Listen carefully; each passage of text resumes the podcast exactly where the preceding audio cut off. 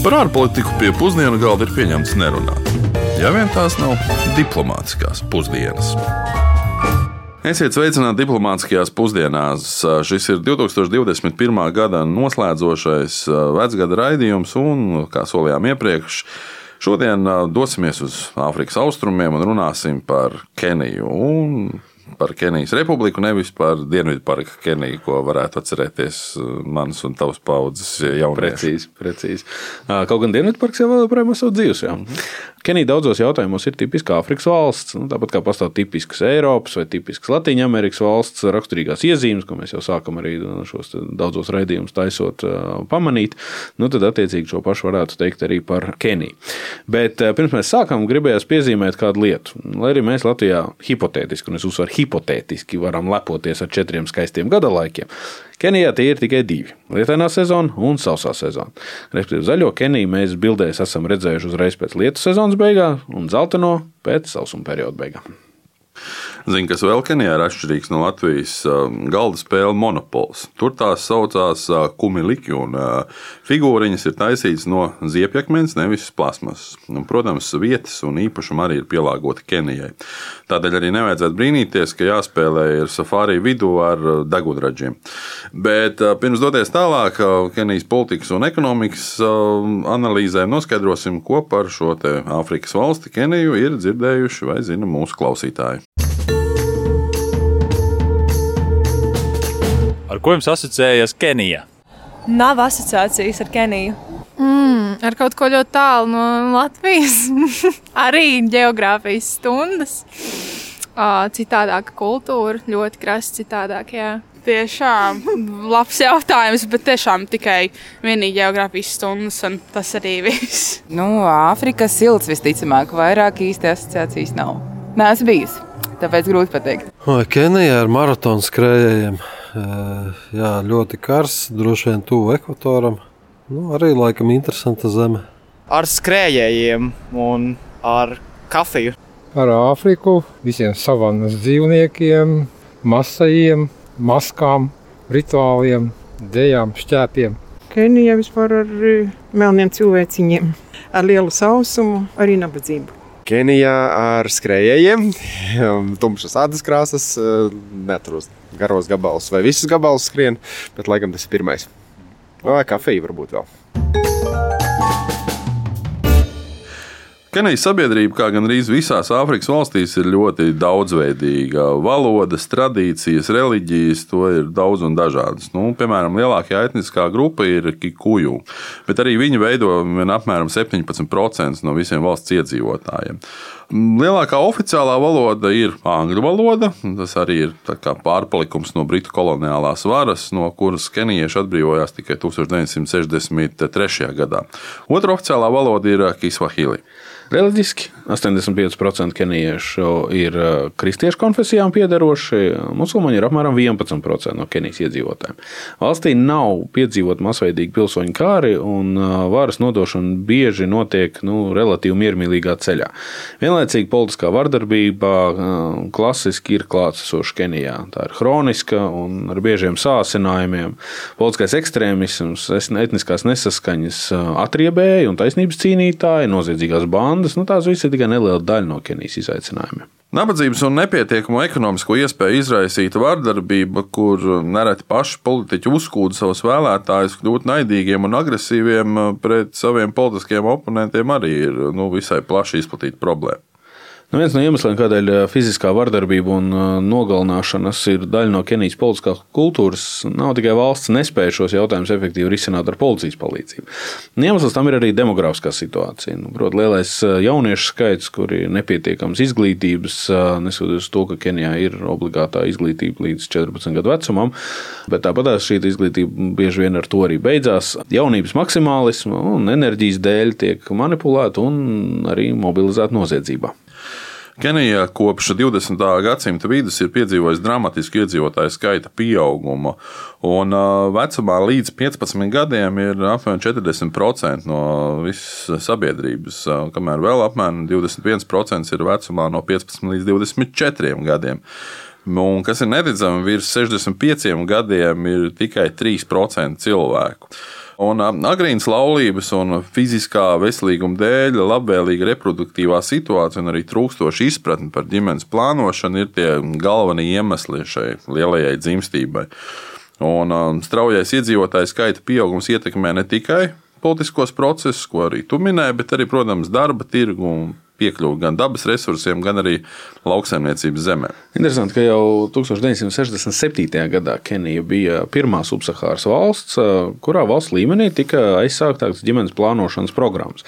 Šajā tūkstošgadē šis vairs nav bijis aktuāls. 1990. gados valdība sāka pievērsties HIV apkarošanai un samazināja finansējumu ģimeņu plānošanas projektiem citu prezervatīvu lietošanas izplatīšanā samazināja arī dzimstību uz kādu laiku. Un, ja 70. gados vienai sievietei vidēji piedzima astoņi bērni, tad 90. gados skaidrs jau bija pieci bērni. Nu, kamēr pēdējā desmitgadē tas jau ir tikai trīs bērni. Kenija ne tikai zaudējusi iedzīvotājs emigrācijas procesa rezultātā, bet vienlaicīgi ir arī bēgļu mērķa valsts. Nu, sevišķi simtiem tūkstošu bēgļu ir nākuši no vardarbības un valstiski mazspējīgās Somālijas, par kurām esam runājuši vienā no iepriekšējiem raidījumiem.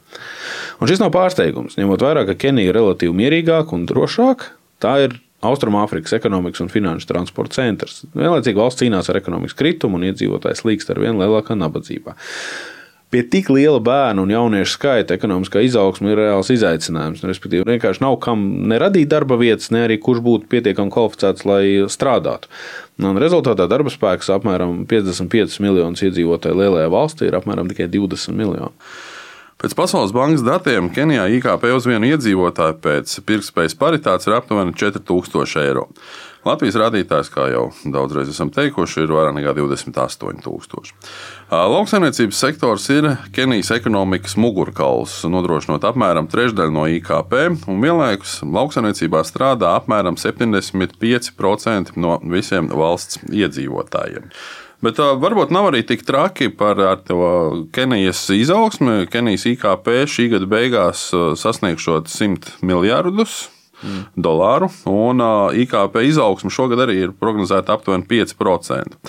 Tomēr par spīti šiem rādītājiem vairāk nekā diviem miljoniem iedzīvotāju, tomēr Kenijā draud bats. Un globālajā bada indeksā Kenija ierindot 87. vietā no 116 apskatītajām.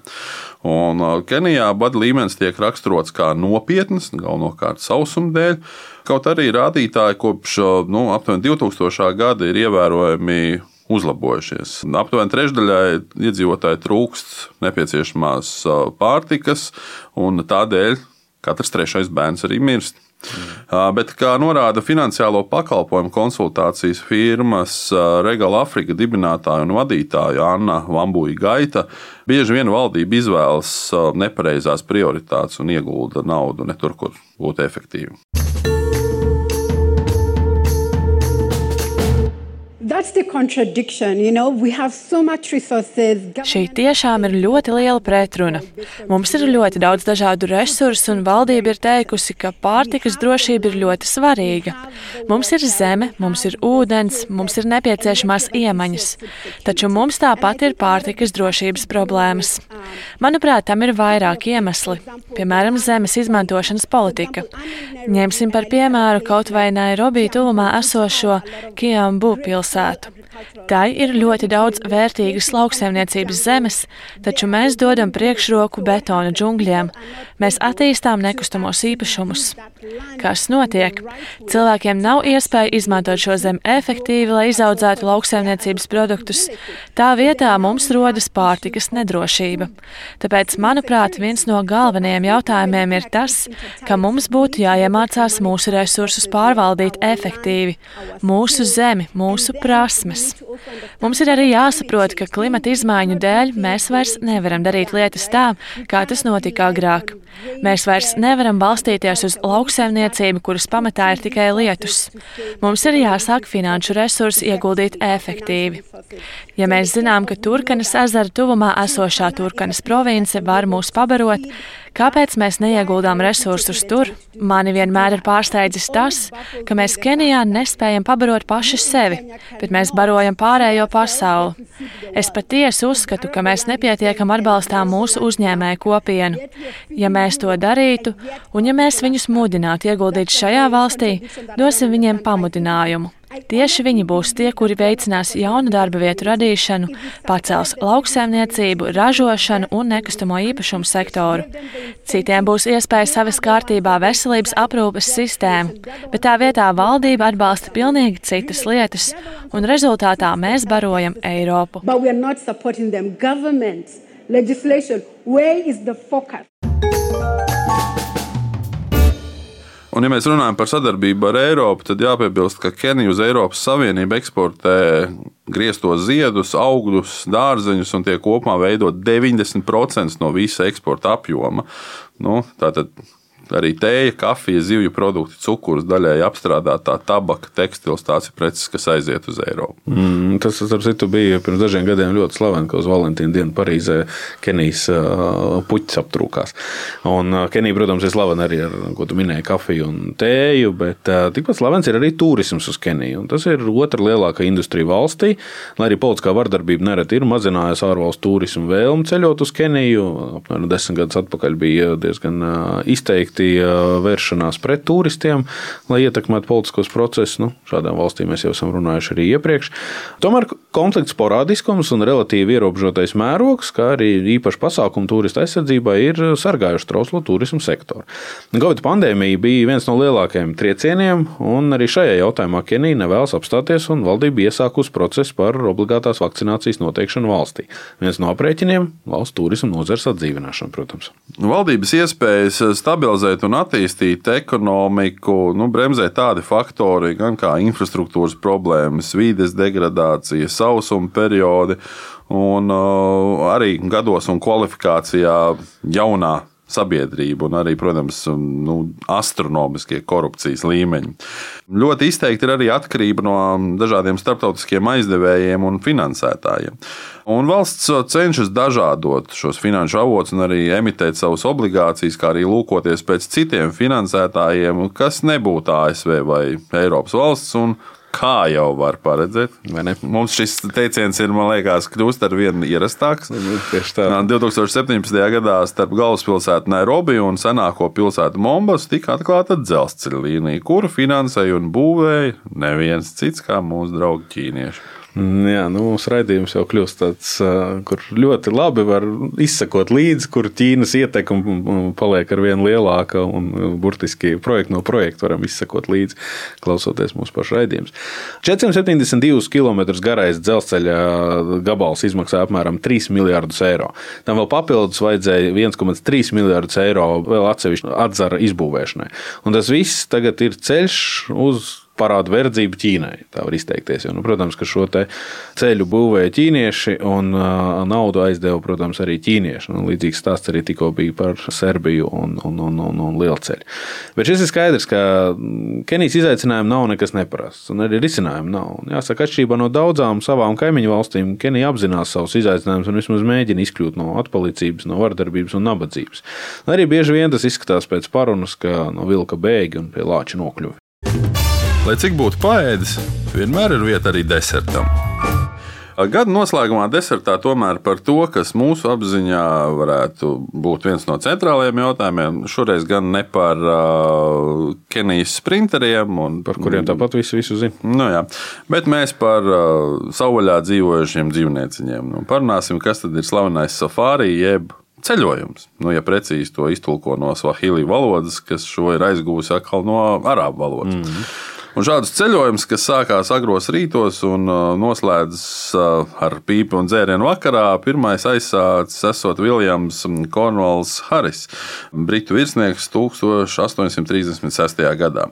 Safari atšķirība no medībām ir tāda, ka dzīvnieki netiek nogalināti. Sākotnējā safari bija pastaiga ar kājām, tad 20. gadsimta sākumā safari jau sāk iegūt mūsdienu luksusvērtību raksturu, kad ceļojums jau notiek slēgtās telpās, nu, tu atrodies un skaties uz dzīvnieciņiem īpašā kabīnē, vai arī transporta braukā.